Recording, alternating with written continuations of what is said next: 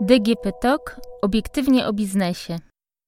Kto może stosować ryczałt od przychodów ewidencjonowanych? Przedsiębiorcy, którzy w 2020 roku chcą stosować ten uproszczony sposób opodatkowania, muszą złożyć oświadczenie o jego wyborze do 20 dnia miesiąca następującego po miesiącu, w którym uzyskali pierwszy przychód. Jeżeli pojawi się on w grudniu, to do końca roku podatkowego. Na przykład, jeżeli pierwszy przychód podatnik osiągnie w styczniu, na wybór ryczałtu ma czas do 20 lutego. O zasadach obowiązujących w tym zakresie, o tym kiedy można zmienić zdanie, mówiłam szczegółowo w innym podcaście o wyborze formy opodatkowania. Można go odsłuchać na stronie podcast.gazetaprawna.pl. Dziś powiem więcej o ryczałcie od przychodów ewidencjonowanych, a na koniec o zmianach, które obowiązują od 1 stycznia 2019 roku. Ryczałt jest prostą formą opodatkowania. Podatnik nie może wprawdzie odliczyć kosztów i płaci podatek od przychodu, ale stosuje preferencyjną stawkę ustaloną od danej działalności.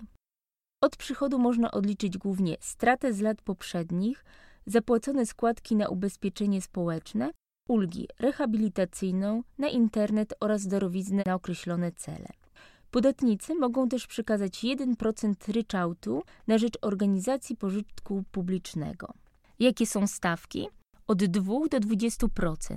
Przykładowo 5,5% odprowadza się w działalności wytwórczej czy robotach budowlanych. 20% to stawka dla wolnych zawodów, czyli lekarzy, lekarzy stomatologów, lekarzy weterynarii, techników dentystycznych, położnych, pielęgniarek, tłumaczy oraz nauczycieli w przypadku udzielania korepetycji. Ryczałt od przychodów ewidencjonowanych jest popularną formą rozliczania się z fiskusem. Przykładowo w 2018 roku zastosowało go ponad 1 milion 200 tysięcy podatników. Oczywiście w tej liczbie dużą część stanowią ci, którzy w ten sposób rozliczają najem prywatny, czyli ci, którzy nie są przedsiębiorcami. Należy pamiętać, że ta forma opodatkowania zarezerwowana jest jedynie dla wybranych grupy przedsiębiorców. Nie może z niej skorzystać każdy. Przede wszystkim obowiązuje próg przychodów. Wprawdzie premier Mateusz Morawiecki we wrześniu 2019 roku zapowiedział jego wzrost do 2 milionów euro, ale na razie nic w tym zakresie się nie zmieniło. Obowiązuje limit 250 tysięcy euro. W spółkach cywilnych i jawnych brane są pod uwagę przychody wszystkich wspólników łącznie. W 2020 roku ryczałt mogą wybrać podatnicy, którzy w 2019 roku uzyskali przychody nie wyższe niż 1 milion 93 350 złotych. Ryczałtowcy z przychodami do 25 tysięcy euro mogą korzystać z kwartalnego rozliczenia.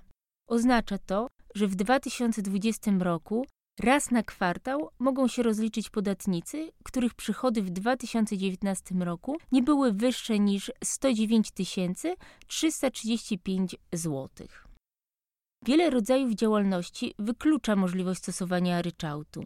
Cały katalog takich usług zawiera załącznik drugi do ustawy o zryczałtowanym podatku dochodowym.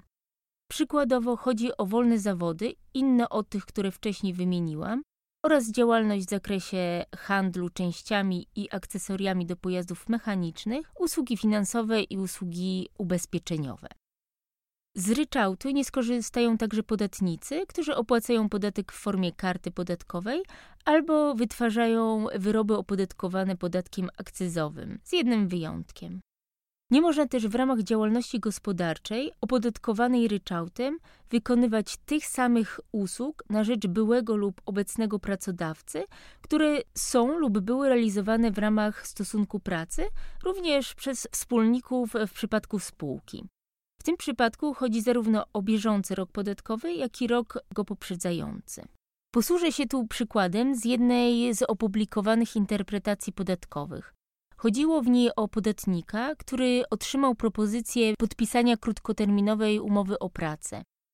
Miałby wykonywać dla przyszłego pracodawcy te same czynności, które realizuje już w ramach działalności gospodarczej, ale na rzecz całkiem innej firmy. Nie współpracuje ani nie współpracował wcześniej z tą, która proponuje mu zatrudnienie. Dyrektor Krajowej Informacji Skarbowej potwierdził, że podejmując pracę, będzie mógł nadal płacić ryczałt od przychodów z działalności gospodarczej. Wyłączenie, o którym wspomniałam, w tym przypadku nie ma zastosowania. Przedsiębiorcy, aby upewnić się, że mogą stosować ryczałt, często występują do dyrektora KIS o interpretacje podatkowe. Większość pytań dotyczy możliwości zastosowania konkretnej stawki ryczałtu. Taki dokument e, co do zasady chroni podatnika. Należy jednak pamiętać, że organ na wydanie interpretacji ma trzy miesiące. Na koniec powiem jeszcze o zmianach, które obowiązują od 1 stycznia 2019 roku. Wspomniał o nich także minister finansów w opublikowanych w październiku 2019 roku objaśnieniach podatkowych. Chodzi o zlikwidowany obowiązek odrębnego zawiadamienia Urzędu Skarbowego o wyborze kwartalnego sposobu wpłacania ryczałtu. Podatnicy informują o nim dopiero w rocznym zeznaniu. W ogóle natomiast nie ma obowiązku informowania o rezygnacji ze stosowania kwartalnego sposobu rozliczeń. Minister wskazał też, że z takiego sposobu wpłacania ryczałtu mogą teraz korzystać również podatnicy rozpoczynający prowadzenie działalności.